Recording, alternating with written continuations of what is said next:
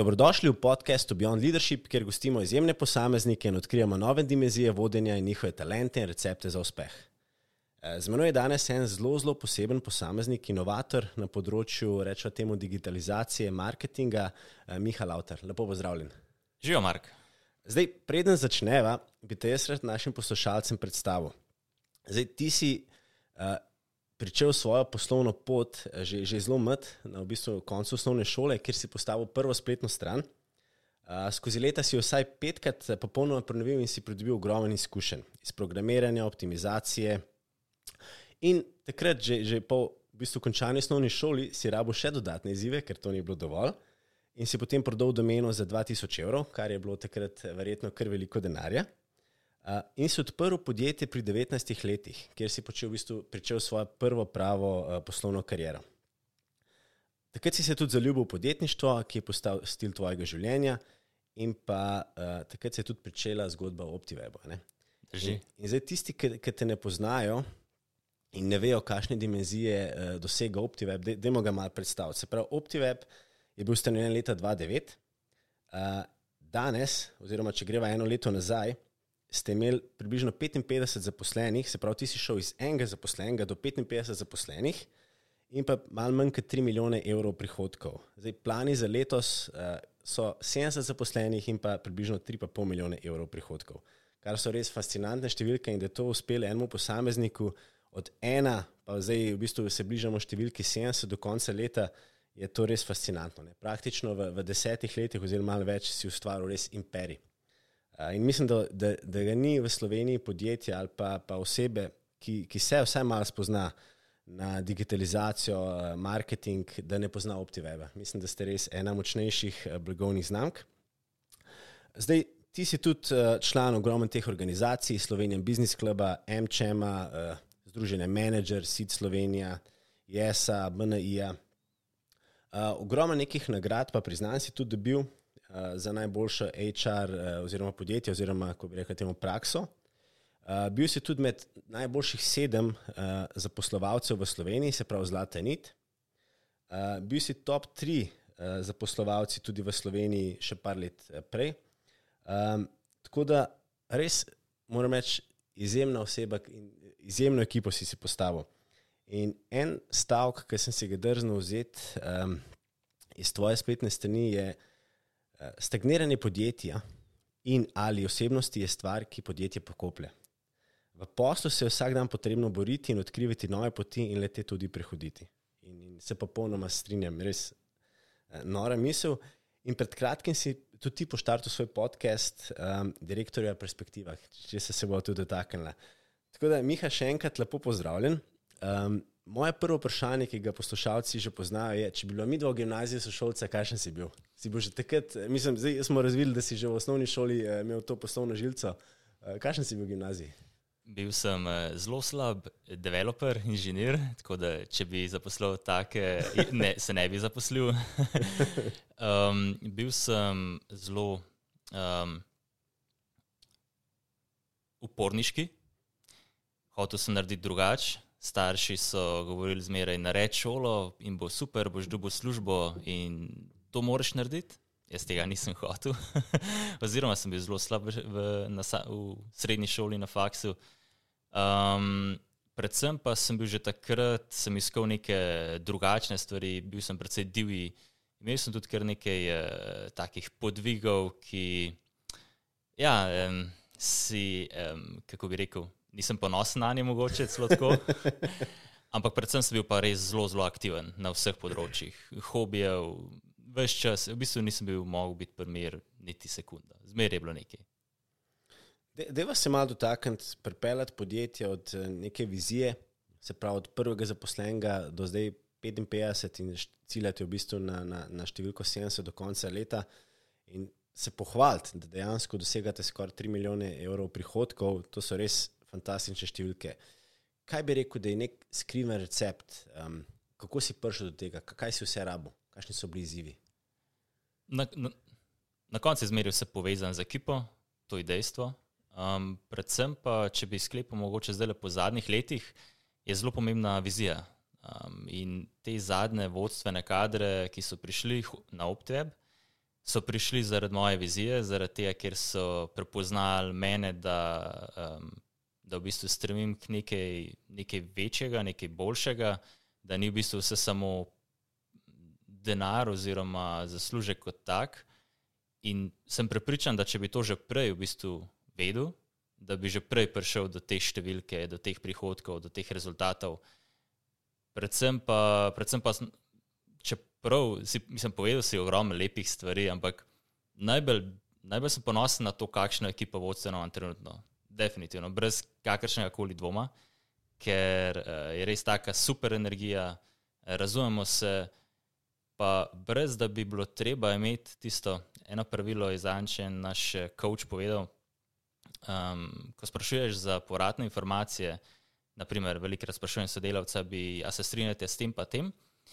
Je rekel, zmeraj mora biti pravilo, da daš dve pozitivni stvari, ko bi lahko to prineslo dobrega, in eno negativno. In če, če to, mislim, ponosen sem pa zato, ker ni potrebno tega pravila poudarjati in je samo umevno, da poveš oboje. Ne samo negativne in normalno, ne samo pozitivne, ker vedno moraš pogledati tudi na to, kje, so, kje bi pa lahko bili neki, neke težave, neki izzivi pri tej spremembi. Top. Zdaj, omenil si, da imaš odlično ekipo in absolutno se strinjam, ker, ker, ker nekaj oseb tudi poznam in so res izjemni. Poj, kaj, kaj pa je bilo te pomembno, ko si, si sestavljal ekipo? Kakšne lastnosti si iskal v osebah? Zelo pomembno je to, da, da jim lahko povem praktično karkoli. Um, da, da mi ni potrebno na vsak um, feedback, predvsem te mogoče malo bolj negativne, oziroma kje se da kaj izboljšati, pripravljati dve ure in zaviti v ne vem koliko celofanov, ampak da, da pač povem, kaj bi se dalo izboljšati, in ta oseba brez obrambe to sprejme in ali vzame. Se zahvali vzame, ali pa pač se zahvali in mogoče prespi in ne vzame, kakorkoli. Um, tu ima vsak človek, se mi zdi, možnost, ampak predvsem pa da, da zmeraj pa vzame tako, da je to dobro namerno. Uh mhm. -huh. Se pravi, da jaz želim njemu pomagati in ne škodovati. To je se mi zdi res pomembno, ker samo tako potem lahko rastemo naprej. Mogoče enako ali pa še celo bolj pomembno je pa to, um, da ti vodje, s katerimi delam, da mi 100%, 120% zaupajo, da ja. delam v najboljše podjetja in da oni to prenašajo naprej. Da, da firma ni na drugi strani um, bregova, mislim, da, da, da zaposleni in vodstvo, da jim rečemo podjetje, nista na različnih straneh, ampak plujete v isto smer, na isti barki. In um, to v bistvu je, zna biti res ogromen problem, če je vodja, ko je z nami na eni strani, na naši strani bregu, ko je pa sodelavci v njegovi ekipi, je pa na njihovi strani eh, tega brega. In v tem primeru bo vodstvo izpadlo normalno, slabo, zaradi tega, ker dela takrat v dobro sodelavca, pri yeah. nas pa v dobro, v dobro vodstva. In um, to, to, se, to je pač. To je, mislim, v tem primeru vodstvo izpade res slabo in podjetje kot tako izpade slabo. In to na dolgi rok je res, um, ne, ne, ne pelje v pravo smer. No. To se mi zdi dve res zelo pomembni. Um, Obenem pa, ja, da vsi stremimo k napredku, k nekaj boljšemu, boljšemu okolju, boljšemu podjetju um, in se ne ostavimo ob najmanjših uh, preprekah. In da vemo, da spremembe so kul. Cool. In so nujne, ne? spremembe so, so nujne. nujne. Um, zdaj pa je pa v drugo smer. Kaj bi pa rekel, da, da so tvoje dobre lasnosti in da danes v tem zelo zanimivem, hitrem digitalnem obdobju, eh, da mora imeti nek, če rečemo, temu vodja prihodnosti, kakšne lastnosti mora imeti in kaj bi rekel, da so tvoje dobre lastnosti? Čustvena inteligenca, absolutno. Super, ja. Gotovo, kar na prvem mestu. Um, Zase bi rekel, da je to moja pozitivna lastnost, dobra lastnost. Čeprav mogoče kdo ne bi tega rekel, ampak uh, definitivno se trudim, da, da je to moja pozitivna stran in vedno gledam na to, kako bodo sodelavci profitirali. Normalno, do takrat, ko tudi oni delajo v dobro podjetje, logično. Mogoče druga lastnost, ki je zelo pomembna, je, da daje sodelavcu v bistvu na prvo mesto. Da ne razmišlja, da, da čeprav je podjetje pomembno, je vseeno sodelavec na prvem mestu, tudi pred vodjem. Um, da najprej pomisli na njegovo plačo in šele potem na svojo. Um, in to se pač odraža potem v, v vseh stvarih. Um, pa ja, potem je pa ogromno nekih manjših stvari, ki, ki so pomembne. Um, ne nekako nekak, nekak te dve, se mi zdi, pa, da mogoče kar, kar precej izstopata in iz tega potem gre vse naprej. Um, sigurno pa mora biti inovativen, uh, mora razmišljati drugače, um, mora videti mogoče malce v prihodnost, se, zelo pomeni normalno komunikacijske sposobnosti, um, da se zna pogovarjati, da ga ni strah sodelavcu reči, kaj mora popraviti, kaj, kaj bi lahko spremenil. Um, pa ja, da gleda res na neko celostno sliko. Super. Pa mogoče tudi pomembno je, da pozna finance, da, da, da zna gledati na to, je, kje se skrivajo tisti hakalčki, zakaj mogoče ne delamo, zakaj mogoče številke niso take, kot se zagre. V glavnem, ja, vodja je res človek, ki mora imeti ogromno nekih, eh, nekih področji znanj. Širino, neko širino. Ne? Ja, res ja. je. Res je ja. Deva, deva se dotakniti, uh, in to me zmeri zelo zanima. Voditi tako podjetje verjetno zahteva ogromno uh, časa, ogromno organiziranosti. Uh, tako da verjamem, da so tvoji dnevi precej polni. Da nam malo povej, kakšen je tvoj tipičen dan. A se ti v nedeljo pripraviš za cel teden, a si spišeš uh, tedenske, mesečne plane, kdaj ostaneš, neko, a imaš kakšno rutino? Ja, tukaj imam, eh, kot vsi, precej možnosti izboljšav, ampak se trudim, da je vsak mesec kaj izboljšanega. Um, jutranja rutina, če gre vse po planu, je tako, da prejšnji večer nekako naredim okviren plan za, za naslednji dan, pogledam koledar, si naredim par, par teskov, ki jih je nujno treba narediti, uh, mogoče tisto, eh, katera je tista grda, kateri tesk je grda žaba, ki jo je treba najprej pojesti. Um, uredim, eh, se pravi, nekaj, si, si pripravim, kaj bom oblekel drug dan. to, da zjutraj v bistvu res čim manj nekega napora, preden začnem delati. Eh, zjutraj se trudno staja tam od 4 do pol 5, če, če le gre. Si ti si v bistvu še pred 5 AM klubom. ja, kar, kar pomeni to, da je treba iti zelo zgodaj spat. In ja, ja. od spat okrog pol devetih, devetih tam nekje. Um, ja, zvečer opažam, sploh zadnje čase, mogoče tudi zaradi Emšata, da če je pivo zvečer, popovdne ali mogoče vem, kava, kaj od tega, um, preveč stresa, um, ne vem, kaj, še, kaj še, so še tiste stvari. V teh primerih je slabši spanec in zjutraj je precej težje ostati, tako da tega se pravim res izogibati, če se le da. Um, zjutraj potem. Um, če, če v večini primerov mrzo tuš, uh, tako je v bistvu, oziroma uh, še predtem nek kozarec tople vode, um, po kakšni pol ure, uri um, kava, um, grem pa res, kar se le da, čim hitreje v, na delo, da v bistvu či, v uri dveh, preden se v bistvu ljudje že začnejo zbujati, že naredim nekaj stvari in sem pomirjen, ker sem za tisti dan naredil vsaj nekaj.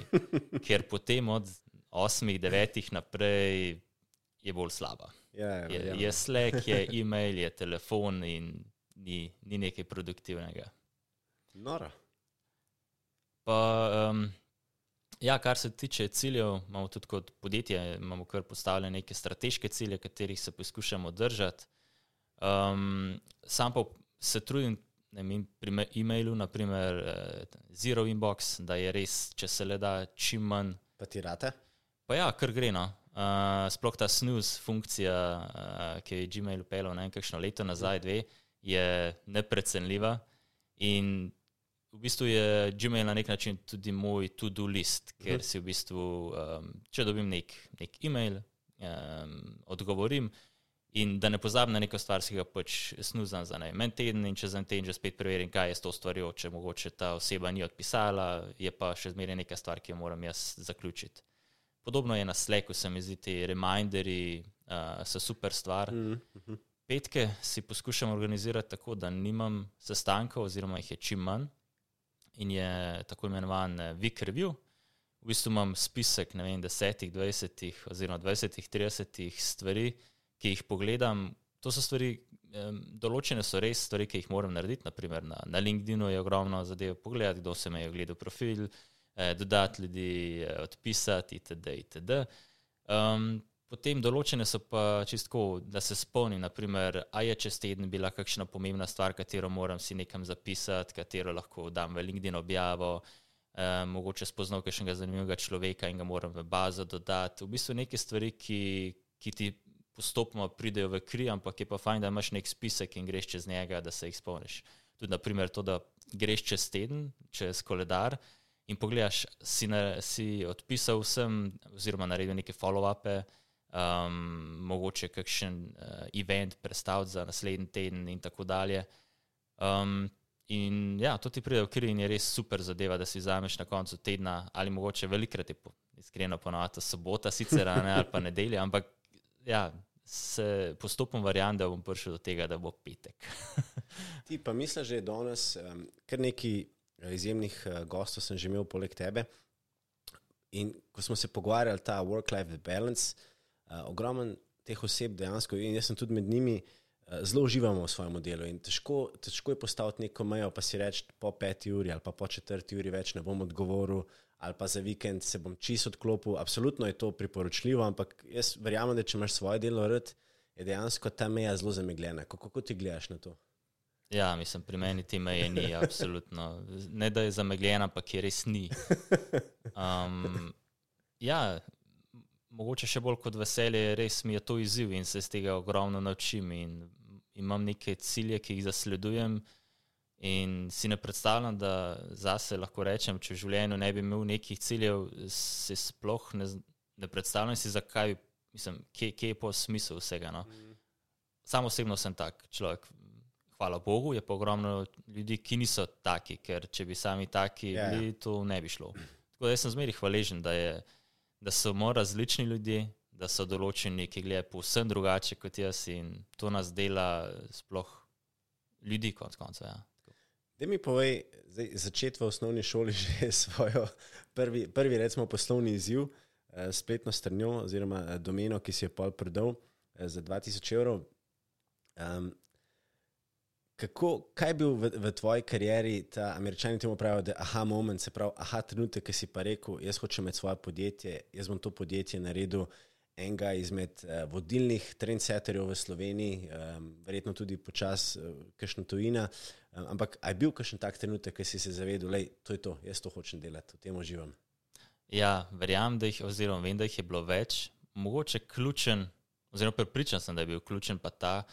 Um, delal sem v kar nekaj podjetjih kot študent in nikjer nisem bil zadovoljen v bistvu z odnosom delavec, šef, kako bi temu rekel, ali pa samo kulturo.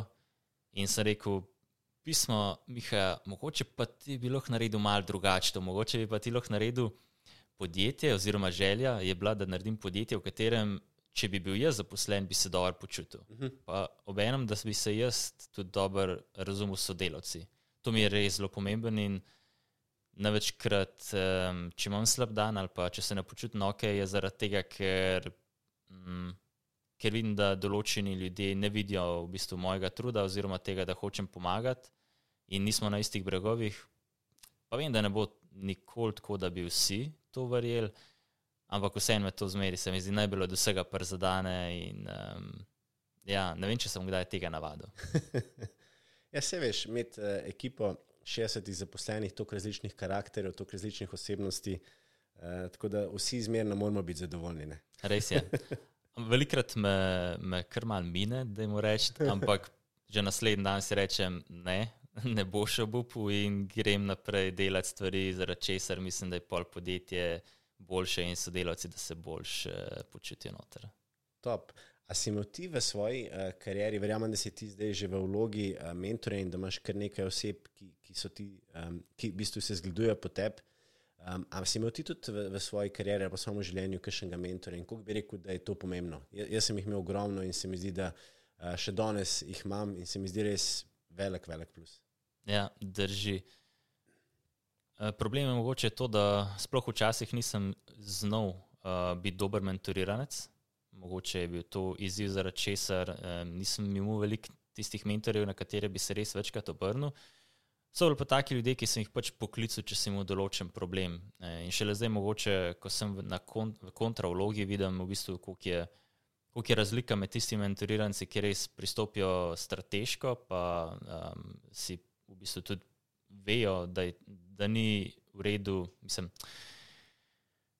da, da ni samo od mentorja odvisno, koliko človek potegne iz tega, ampak od obeh strani, oziroma mogoče celo več od mentoriranca, da, da postavi prava vprašanja, da se pripravi na sestanek, da se zahvali, koliko se zagre, um, da pelje mogoče na kakšno večerjo, kdaj kakorkoli, glavno, da je mal nekaj, nekaj posebenega ta, ta mentoriranc, da ni nek samo pokličeš, vprašaš, se zahvališ, če se in to je to. Mislim, Tako, mislim, velikrat velik se mi zdi, da, da mentoriranci pričakujejo, da bo, da bo to nek svetovalec, ja, v bistvu, ja, ki bo ja, prišel, sprašval toliko časa, dokler ne pride do, do tistega vprašanja, ki je res pomemben, oziroma odgovora. In je to to, ampak to, to sploh ni res, mislim, da je leče tega. Um, tako da, ja, mislim, mora vsak biti aktiven, iskati ljudi um, iz njegovega področja, jih sprašvati in tudi on dati neko dodano vrednost kakršna koli že pač to je, zmeraj se nekaj najde. To je pa res, zelo dobro. Um, prej si vzpostavil koča in sicer uh, ti ogromno vlagaš v, v svojo ekipo, v svoje podjetje. Jaz, odkar sem bil prvi, so prostori res, uh, lahko rečem, izjemni, res zelo, zelo lepi prostori, ogromen. Uh, ponujaš, da nam malo opiš, kaj, kaj dejansko ponujaš svojim zaposlenim. Zakaj se ti zdi, da je delovno okolje prvi res dobro, ker je, res imate super klima. Predvsem je to, da se trudimo poslušati uh, ljudi, jih sprašvati, pa, pa pol čim več v bistvu teh uh, pobud implementirati. Žal, v bistvu smo na tej točki, da smo tako veliki, da direktno do mene večina teh prošenj ne pride in tukaj v bistvu se moram zanašati 120% na vodje, uh mhm. -huh. da oni izluščijo te informacije in jih prenesejo naprej. Obenem tudi vsak mora razumeti, da Um, tudi če bi se jaz odločil, vem, da bi nekoga v podjetje pripeljal za coaching, za, nek, ne vem, za inženirje, naprimer, da potrebujem v bistvu podporo vseh, da se to izvede. Ne, ker če bi samo pripeljal določenega um, človeka, bi izpadlo mikromanagiranje, yeah. Ja. bi izpadlo, da jaz hočem v bistvu, aha, v bistvu Miha hoče nad, dobiti, ne vem, nadzorovati nekaj, nekaj, nekaj. In velikrat je tako zelo tanka meja med tem, da bo človeku pomagal, pa da bo izpadel uh, zelo čuden. Ampak ja, ne, sigurno prek nekih teh izobraževanj um, v podjetju, uh, tudi neke, če imajo ljudje željo iti na kakšno konferenco in promo čim večkrat ugoditi. Normalno, s tem, da tudi oni pol dajo nekaj nazaj, da naredijo neke povzetke, pa predstavijo to ekipi. Um, smo, se trudimo, da v bistvu že takoj, ko ljudje pridejo, da jim povemo, da morajo feedbacke sprejemati in prosti za njih. Se mi zdi, da to čist premalkrat delamo. Mm -hmm. Da sprašujemo ljudi okrog sebe, hej, Janez, da sem to jaz dober naredil, bi lahko izboljšal. Um, ker potem tudi v bistvu je ta feedback čist drugače dati, če te nekdo po njemu vpraša ker ljudje, nas je še zmeraj strah, da nekomu rečemo, da tole mogoče ni bilo najboljše, pa če bi drug, drugič tako pa tako poskusil, mm. ker je veliko krat slabo sprejeto in potem to nehaš delati.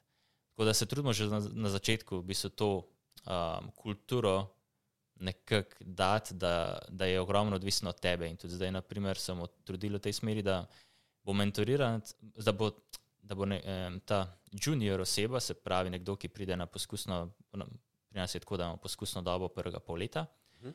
da, je, da bo mesečni pregledi, ki jih imamo z mentorjem, da jih bo on skliceval, da bo on prosil mentorja super. za feedback in da v bistvu ima on nalogo po teh šestih mesecih, da pride in ima od vseh šestih mesecev feedback od mentorja in da je ta feedback konkreten. Um, in da bo on, da mu rečem, owner tega projekta. Yeah. Ja.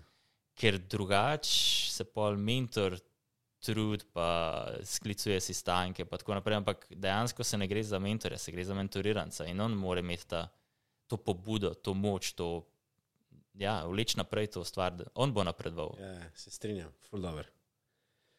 Deva se še malo dotakniti. Um, Da nam ti predstavi, se pravi, OptiWeb je ena najbolj znanih digitalnih agencij v Sloveniji, Da nam malo poveš o podrobnostih, da bodo poslušalci, kaj vse točno počnete, vem, da imate ogromen strank. Uh, potem moje drugo vprašanje bi se pa dotaknila še pandemije. Kako je to vplivalo na, na vaš posel? Kaj si najbolj opazil? Ja, nekako mi temeljimo na ene treh stebrih. Eden je digitalni marketing, tam delamo pač oglaševanje, se pravi Facebook, Google um, optimizacija, se pravi, nekako cel, celosten digital, želimo pokrivati LinkedIn.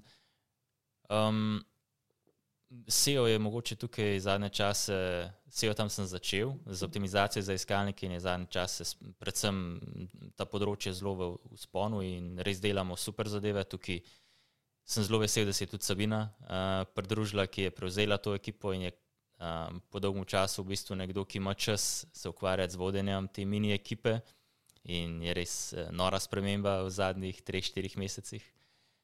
Um, potem drugi, drugi stebr so spletne strani. Uh, tukaj delamo predvsem neke bolj uh, napredne zadeve za večja podjetja, ki jim je splet res pomemben ker gremo od začetka, v bistvu od same strategije, od tega, da buyer persone definiramo, buyer journey, A, um, da naredimo UX, tako kot se zagre UI itd.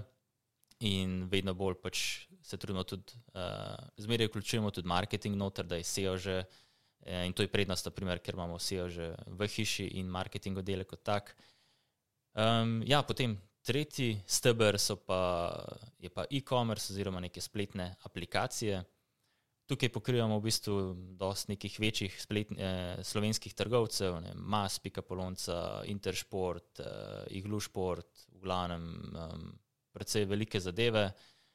Um, zadnje čase pa v bistvu gremo tudi vedno bolj ja, proti tem nekim eh, custom-made aplikacijam. Um, imamo kar nekaj zanimivih projektov v, v, kako, v bi rekel, pipelinu. Ja. Se oproščam za te angliške izraze, ni mi v ponos. Ja. Um, um, ja, želimo pa, želimo pa tudi razširiti v bistvu te storitve postopoma, mogoče še na, na kakšne druge uh, in os, predvsem ostati v koraku s časom. Tudi, um, računam na to, da bomo zelo shopware partnerji postali. Uh, to je e-commerce platforma, nemška drugače, ampak vidimo nekaj velik potencial. Pa nekaj projektov na Shopifyju smo postavili, mogoče tukaj tudi še kakšnega. Tako se pravi, vse čas se trudimo testirati tudi neke nove zadeve. Naprimer, PIM sistemi, ki jih delamo naprimer, za, za Big Bang, je, mislim, da so naša, so naša zelo močna točka. Um, sigurno je pa tako, da vse te storitve um, imamo še predvsem možnosti za izboljšavo samo kvalitete. Uh, se trudimo, da so stranke vedno bolj zadovoljne, ker vemo, da niso vse. In tukaj to je mogoče tudi ena izmed tistih mojih uh, stvari, ki mi, ki, mi, ki mi niso v ponos, da pač včasih ne izvedemo kakšnega projekta tako, kot se zagre. Uh, normalno, faktor je ogromen, od, tudi od stranke do posameznikov, ki delajo na projektu, ampak generalno pa upam, da se čim več strank zaveda, da res iz meseca v mesec se trudimo, kolikor se le da da te stvari izboljšamo.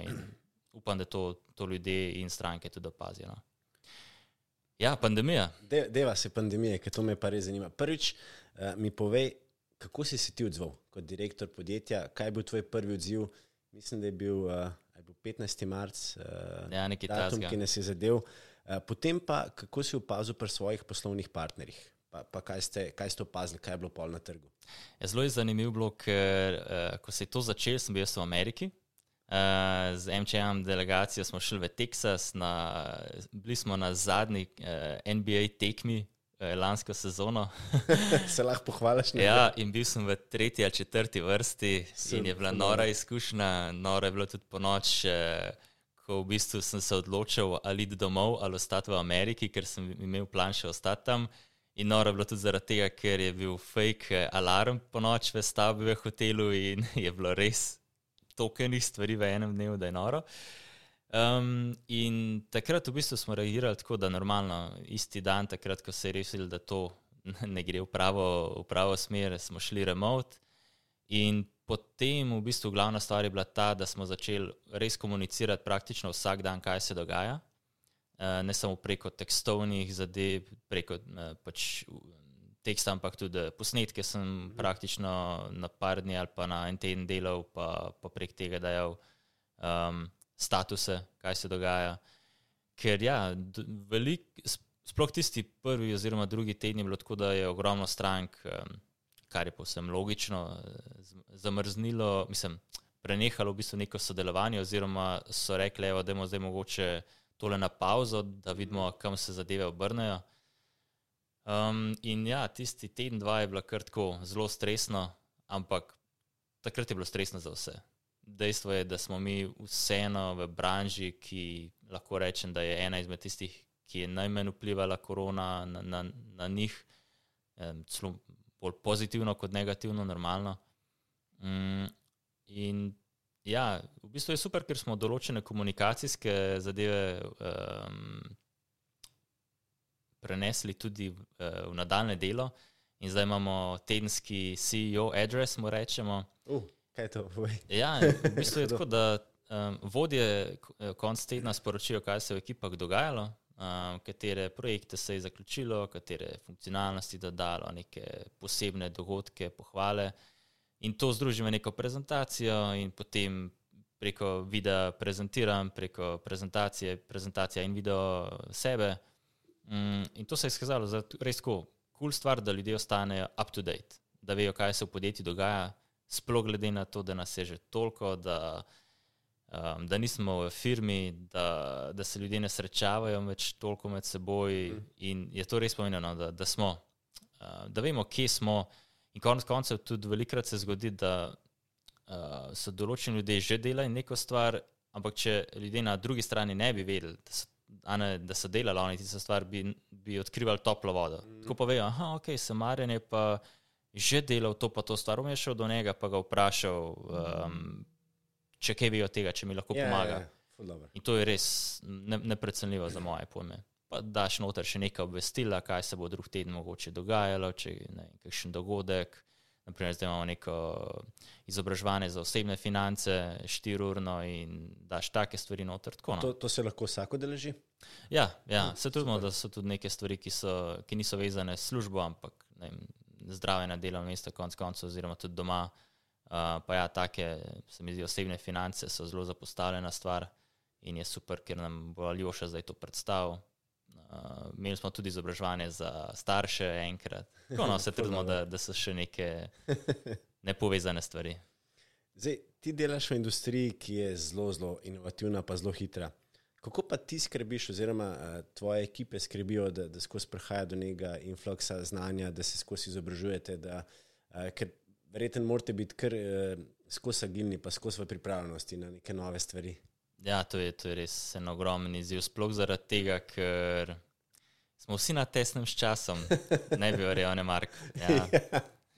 Um, in trudimo se, da, da če kdo opazi kakšno novo stvar, da jo deli, eh, da naredi nek povzetek te stvari in jo deli na Slack, channel, imamo posebne kanale za izobraževanje. Um, trudimo se spodbujati tudi, da, da imajo posamezniki znotraj podjetja izobraževanje o določeni stvari, ki jo naprimer, najbolj poznajo. Um, to se, se mi zdi, da se je kar dobro uvedlo, odprl.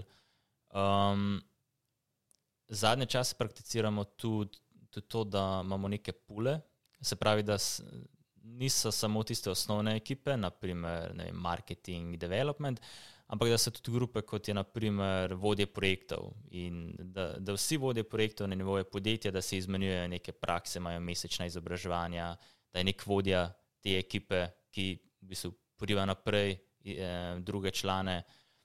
Mm, ja, no to so se mi zdi neke, neke ključne stvari. No. Super. Um, Deva se malo še dotakniti um, tvojega sloga vodenja, oziroma kako se je spremenil. Zdaj, 2000, leta 2009 si bil prvi zaposlen, danes uh, vas je več kot 55, uh, verjeten jutri, oziroma konec leta vas bo že blizu 70. Uh, tako da povem mi, kako se je pa tvoj slog tekom tvoje kariere spremenil, ker verjamem, da si tudi ti, ki si bil mlajši. Mogoče bil bolj impulziven, tako da, to, da nam to malo piše. Zadev si, Mark, zadev si, terno, totalno. Ja, včasih sem bil zelo impulziven. Mislim, kot otrok. Um, Starši mi ne bojo odpustili tega, da sem v, sicer ni povezano s tem, ampak fun fact. V vrtu sem rekel, da me doma pretepajo. Ker pač, ja, bil sem precej tečen otrok, eh, hiter mi je nekdo stopil na živce in pa sem se začel dreti, brcati vse. Um, in ja, tudi na, na začetku poslovne poti sem bil zelo slabodjen, no, dejstvo.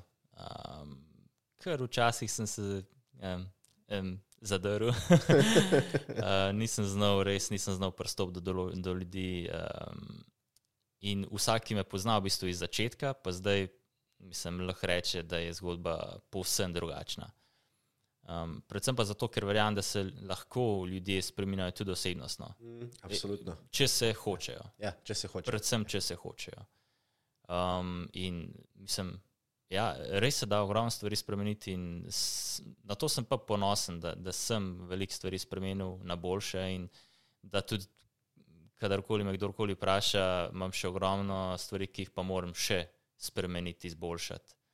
Um, in se mi zdi, da to tudi dela dobrega vodja, da, da se trudi vedno v smeri, kako bo sebe izboljšal.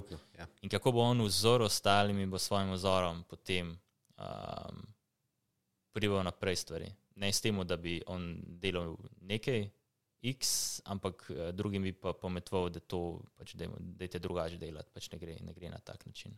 Kako pa ti skrbiš za svoj, eh, za svoj razvoj? Zdaj, omenil si tudi Ameriko, se pravi, uh, tujina ti verjetno tudi odpira nove dimenzije, nove poglede, ki spoznavaš, kako se tam posel dela.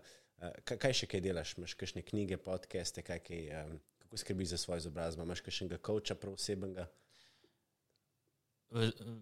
Predvsem se trudim tako, da si postavljam neka ogledala uh -huh. uh, in da v drugih prepoznavam, v bistvu da zrcalim sebe v drugih, temu rekel.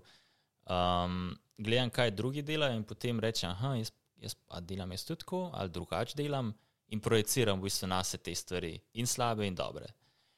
Um, ja, tujina, sigurno ti da neko drugo perspektivo. Nažalost, um, če bi imel še enkrat možnost, bi šel v tujino za del časa, uh, poskusil še tam, kakšen posel mogoče odpreti. Um, Sigurno pa sodelavci so tudi tisti, ki mi velikokrat oni nastavijo gledalo, ali pa neke druge poslovne skupine, drugi neki podjetniki, ki jih spoštujem. Um, trenutno imamo tudi ja, neko izobraževanje za vodje in tam res ogromno stvari vidiš in se naučiš. Ves čas v bistvu moraš biti na preži. Podcasti so absolutno res eh, zakon stvar. Mislim, jaz sem bolj ta tip, ki eh, potrebujem neko aktivnost, da mi možgani delajo in zato, če grem ven na sprehod v gozd, je, je to za moje možgane najboljša, eh, najboljša stvar. Se strinjam, sem isti. Ja. in knjige v knjigah sem, joj, sem res katastrofalen. Um, tako da podcasti so definitivno moja najljubša. Super mi je tudi, da v tujino, v Ameriko, naprimer, mi je, da zanimiva stvar, mi je super rit zaradi časovne razlike. Ker takrat popovdne vem, da me ne bo nihče klical, da imam mir in ja, se res lahko sprostim. In takrat mi nivo stresa, če sem v tujini, pade nenormalno. Eh, dve leti nazaj, mislim, enkrat vem, da sem imel kar konkretne probleme s stresom. In sem šel za, za nekaj časa v Ameriko in dejansko je to je pač rešilo precej stvari. No. Tako da, ja, stres je kar zanimiva stvar. Eh, deva se dotakniti, ker si že omenil podcast, eh, tudi tvojega podcasta, um, direktorjeva perspektiva. Uh, kako si se tega lotil, ker sem poslušal in je zelo, zelo, zelo zanimivo, ogromen informacij. Uh, tako da se kar, kar nekaj naučiš. No? Da, kdo te je pripravil, kako si prišel do ideje? Lotil sem se zelo češko, da jim rečete. zelo na hiter, pa z nepripravami. Um, ne, rekel sem, da dajmo poskusiti. Uh, se mi zdi, da glas imam prav za, za te Absolutno. zadeve. um, pa tudi je bil izziv, zaradi tega, ker sploh se mi zdi, če imaš sam podcast, da nimaš gostov, je predvsej težko v bistvu spraviti skupaj v neki, uh, neki strnjeni različici neke uporabne vsebine. Um, in je bil to določen izziv za me, sicer časovno že spet je problem. Ja, ampak verjamem, sem te hotel vprašati. Ja. Hotel sem predvsem to dosečno, da tudi mogoče, če imam kdaj kakšno stvar, ki jo bi rad dal ven iz sebe, da jo dam. In to sem parkrat izvedel in se mi zdi kar kul cool odziv.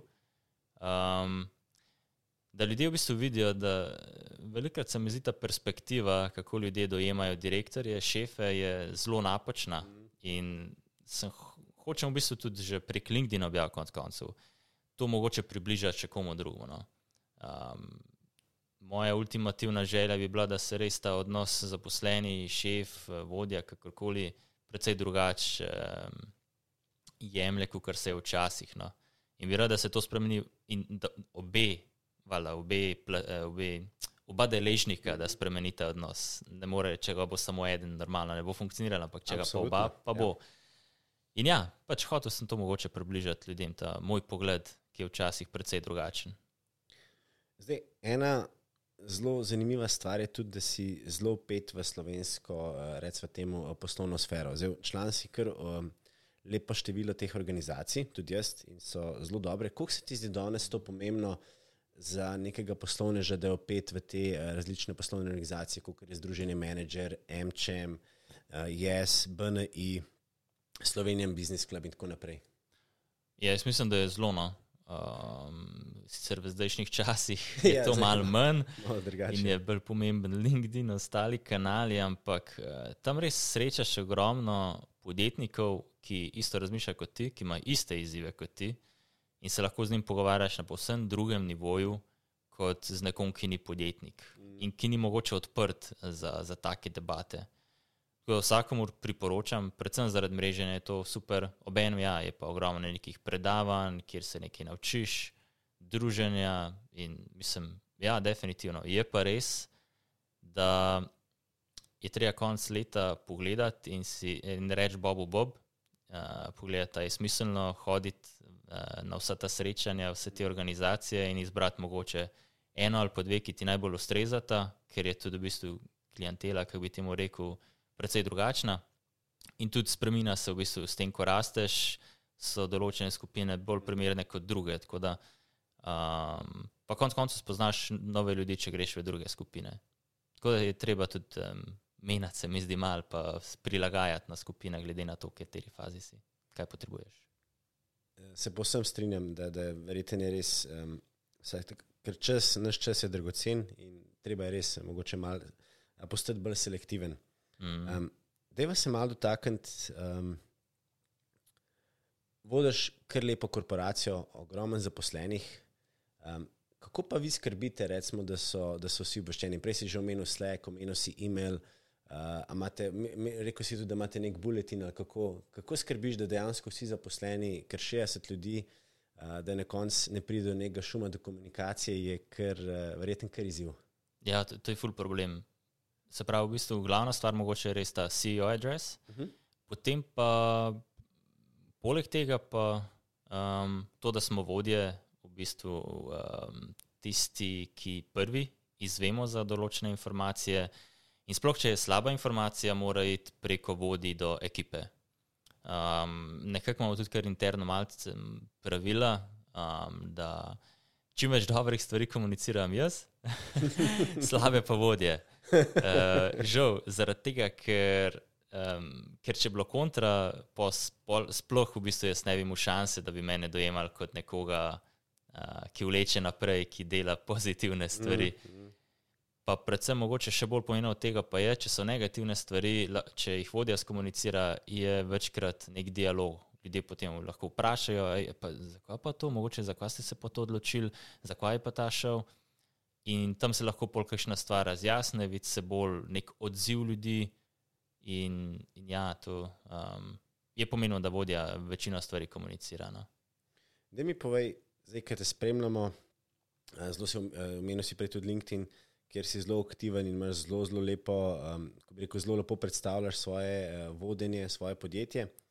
Um, ne vidimo pa veliko krat teh izzivov, ki se pojavljajo na, na poslovni poti, veliko krat vidimo samo uspehe, ne vidimo neprespanih noči, uh, da je ogromen nekih um, ur, nadur in tako naprej. Da nam, nam malo piš tekom tvoje poslovne poti od enega zaposlenega do 55, kaj so bili kakšni izzivi, ki, ki so skriti v ozadju, ker ogromno imamo mladih zagnanih podjetnikov, ki tudi razmišljajo o podobni poti, ki si jo ti začel? Juj, izziv je res ogromen. Ampak uh, izzivi te delajo pa močnejšega, pa, pa boljšega, tako da izzivi so super. Uh, kaj bi v bistvu izpostavil?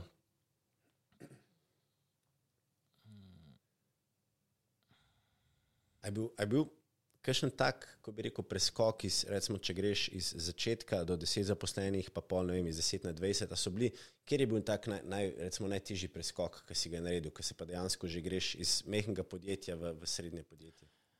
Sigurno je to, da, da dojameš, da sam ne boš mogel veliko narediti in da potrebuješ dobro ekipo, ampak to je samo prvo gotovitev, potem je pa treba akcije iz tega narediti. In zmeraj v bistvu moj plan še zdaj je to, da čim več nalog dajem stran od sebe. Da v bistvu, če vidim, da, da imam določenih nalog ogromen, da poskusim najti človeka, ki bo od mene prevzel tiste naloge in tako kreirati novo delovno mesto. In tako sem v bistvu delal zdaj zadnjih, ne vem, 5-6 let in trenutno nimam več nobene operativne stvari. Prvič se je to zgodilo v bistvu, da sem dal nekaj od sebe, je bilo, uh, po mojem, ja, administracija. In to je bilo, sem pol videl, uf, tole ni bilo za me, to sem res slabo delal. Pa sem dal od sebe prodajo in sem že spet rekel, pisal, Miha, to si res slabo delal, ta ful boš dela. Pa sem dal večer, sem si mislil, pa Miha, ti nisem imel pojma, kako to pelati. In ja, Tako na koncu na ja. koncu sem dal vse od sebe in sem si rekel, ja, pismo, čim si sploh dober, ja, v tem, da najdeš te prave ljudi, a ne? Yeah. Um, in mislim, se mi zdi, da moraš razmišljati to, in to je mogoče tudi velika pomankljivost vodi, um, da, da ne razmišljajo dosti vizionarsko, kako bojo širili ekipo, kako bojo v bistvu sebe razbremenili in tako dobili čas za bolj strateške zadeve. Deva se še malo dotakniti, prej si omenil um, stres in se mi zdi, da smo v časih, uh, kjer smo zelo, zelo pod stresom, ogromno je nekih informacij, uh, pandemija je tudi uh, terjala svoj davek. Kako pa ti poskrbi za stres? Prej si že malo omenil sprehode, kaj, kaj še kaj počneš? Ja, moja, moja boljša polovica je definitivno mi pri tem pomaga, da sem manj uh, v stresu, um, ekipa mi pri tem pomaga. Um, Imam pa ja, drugače, kar, kar precej izzivam s tem. No. Um, mogoče zadnje čase je bolj, sem pa imel tudi obdobja, ko ja, te, nimaš neke motivacije za delo, ko te cele dneve v trebuhu stiska in ne moreš tega občutka dati stran. Um, v določenih, uh, eno fazo sem tudi imel, ki je bilo mogoče še slabši in v bistvu um, enkrat se prav spomnim pod tušom, sem bil res, res trenutek stran od tega, da me zmanjka. In takrat v bistvu mogoče sem si rekel, ok, Miha, zdaj le pa moš nekaj na tem narediti, da ne gre sam na slabš. Ker tudi mogoče že v družini oče je imel določene izzive s tem in vem, da, ja, da je preventiva je predvsej boljš kot kurativa. Res je, res je. Um, pogovarjati se, mislim, sigurno je pomagalo to, da se pogovarjaš. Um, te hladni tuši, pa uh, mogoče kakšne bolj ekstremne zadeve, vem, da, um, da čisto odklopiš, v bistvu, da nimaš časa razmišljati o stresu, um, neke aktivnosti, ne vem, šport, definitivno zelo pomaga. Um, predvsem pa moraš poslušati svoje telo in um, ko vidiš, da gre v napačno smer, testirati, testirati, testirati, dokler ni boljš. In če je treba iti do uh, psihologa, se z njim pogovoriti, da ti don da določene usmeritve, uh, sam ne čakati, pač, ker boljše ne bo. Se strinjam in se mi zdi, da danes je mogoče tudi, uh, to si zelo lepo napelo na moje naslednje vprašanje, danes je mogoče tudi tak nek tabu ratu, če rečeš, da imaš koča ali pa psihoterapeuta ali psihologa. Jaz sem absolutno prvi, ki to podpiram in tudi uh, lahko povem vsem, da tudi jaz jih imam, ker mi blazno pomagajo. In se mi zdi, da preko se zaveš, da, um, da nisi sam, da si treba poiskati pomoč, da, da za rast, uh, za nek napredek moraš te stvari narediti. Ja, absolutno brez, brez doma. Deva se malo še dotakniti tvojega, tvojega osebnega življenja oziroma uh, tvojih Ni, ni, ambicij. sorry, nimam ga. Nimaš ga še, zdaj boš uh, najdel kakšno osebo, ki bo mogoče spet prevzela. To, da boš lahko še, še malo, uh, eno uro več na dan, ki je no, bilo. m, ena, ena super novica, imam drugač, Mark. Povej. Fotor bom. A res? Ja. To, čestitam. Zvedel, mislim, nekaj časa že vem, ampak prejšnji teden je bila na preiskavi, tako da vse štima in evo, se zelo, zelo veselim novega, nove epizode No, v mojem življenju. Ja. Ful dobro, čestitam. Jaz sem se kar naježil, je top. top. Uh, ful dobr, ful dobr. Um, se pravi, to sem hotel vprašati, ja, pa si mi zdaj malo vzel. Uh, kakšni so tvoji cilji za naslednjih nekaj let z OptiWebom, pa osebni cilji? Ja, z OptiWebom, ali pa mogoče najprej osebni cilji. Um, ja, jesen bi si res rad, ko, ko dobivam na, na reščaj, da si vzamem nekaj časa res na off. Sem zelo vesel, ker je se jih lepo poklapa, ker Urška takrat pride nazaj iz porodniške in gre vse na njo za tiste 3-4 tedne. Um, Obenem delava tudi hišo, oziroma zaenkrat so bili tlorisi. Um, kot pri vseh stvareh, bo tudi eh, pri hiši eh, nekaj posebenega. Tako da bom imel eh, garažo, katera bo tudi moja pisarna, in noter bo en ali dva starodobnika in taka bolj, bolj vintage style. Dobar. In bo res huda in tak tudi hud kamin noter. In ja, mislim, da bom zelo rad v tej pisarni. Tvo, de, de samo, tvoja strast je tudi lesa, ne? da, da rad uh, iz lesa izdeluješ, oziroma kot sem zasledil. Ja, te naravne stvari Ja, ja, ja, so ja. mi, so mi ja, res ima res neko tako toplino in um, tudi ja, hiša bo lesena, absolutno. Um, ja, les je, les je zakon.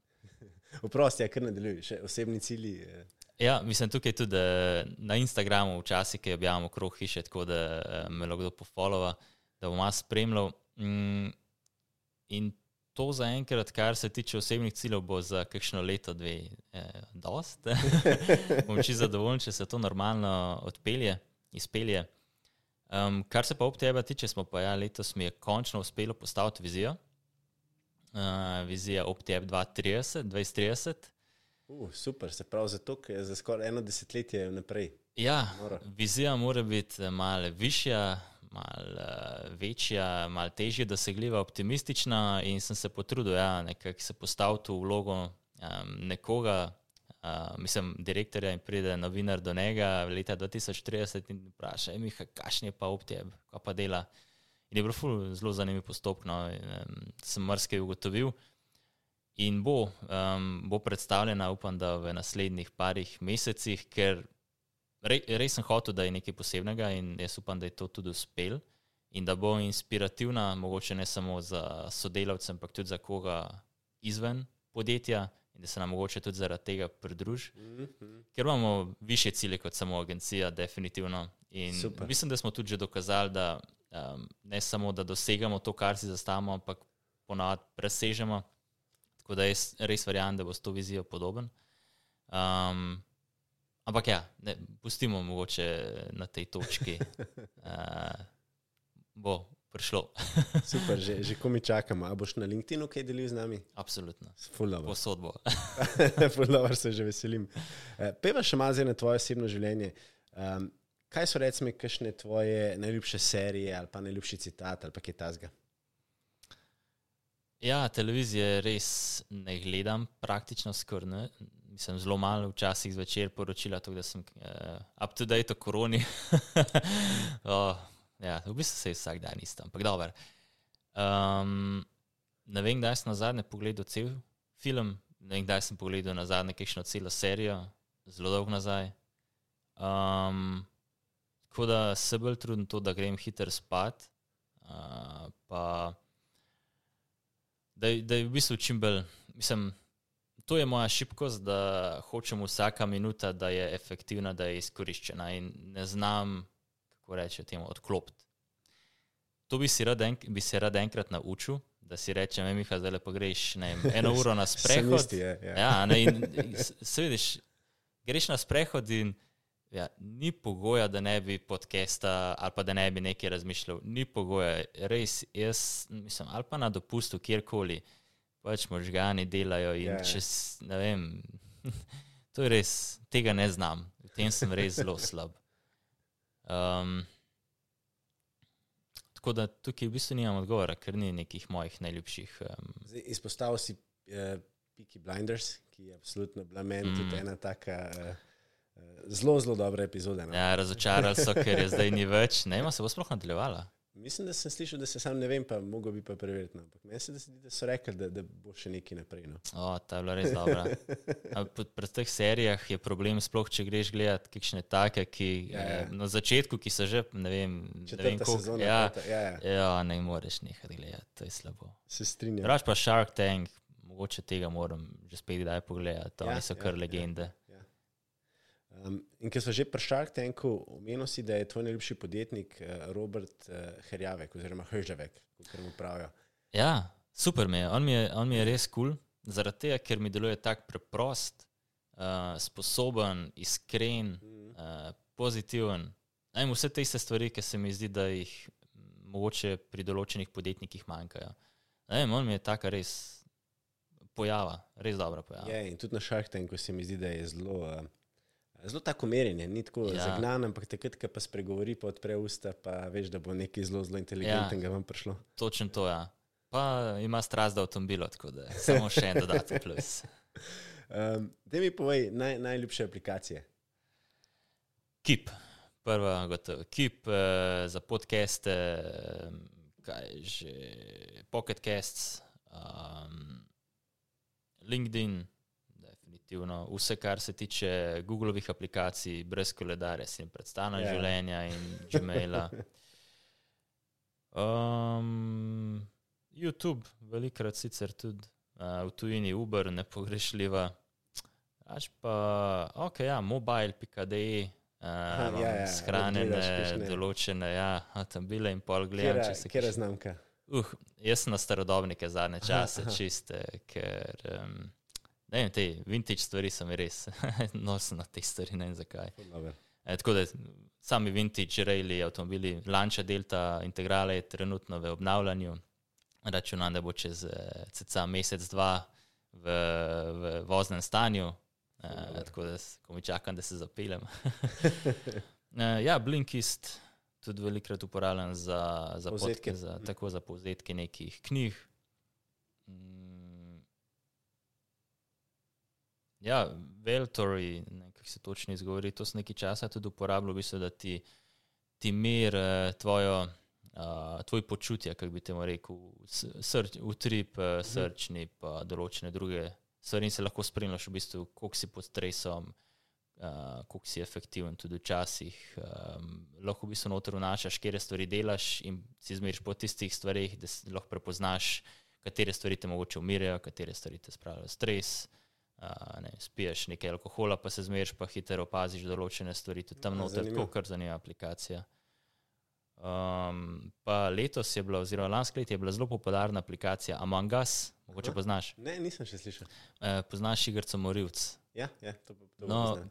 in podoben, kot je v živo, je to je aplikacija in v bistvu se na telefonu igraš, si prek eh, ekrana zuma, karkoli se v bistvu s sodelavci pogovarjaš in noter pač ubija en, ubija, en je morilc in ubija druge prek te igrice. Tako eh, za korona čase ful priporočam, ful zabaven. Ful dobro, hvala. Um, zdaj pa pri- pejva počasi na najno um, najpomembnejše vprašanje, da naredim malo pritiska. Eh, Se hecam, zdaj imamo že kar, kar lepo število poslušalcev in uh, ogromno med njimi. Uh, med njimi je tudi eh, študentov, mladih podjetnikov, ima pa tudi že kar nekaj predsednikov uprav in pa direktorjev.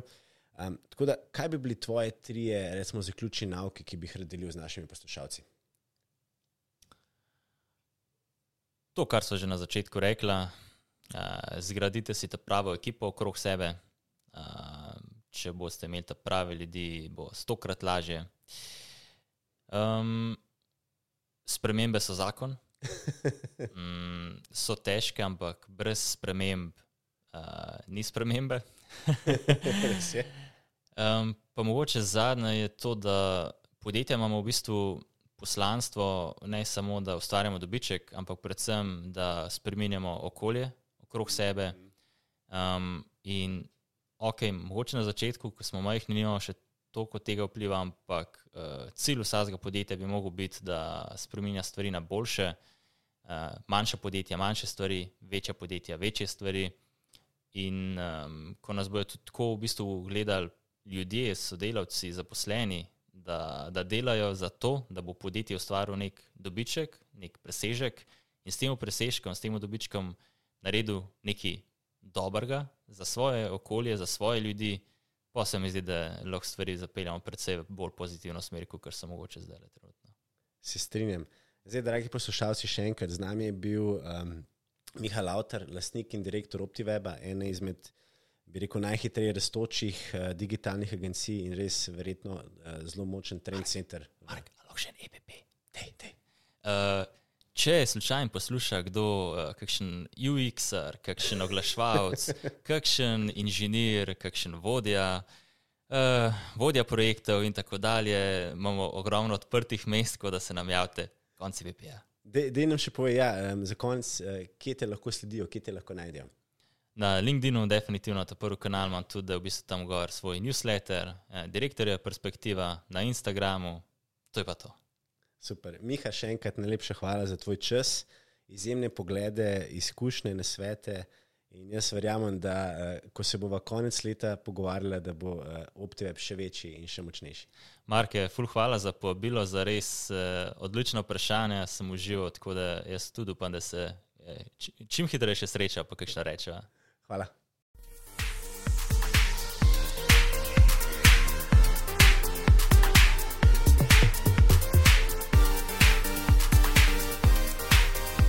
Sledite nam na vseh kanalih, kot so Spotify, Apple, Google, Castbox in tudi YouTube, LinkedIn in Facebook, kjer nas je že preko 2000.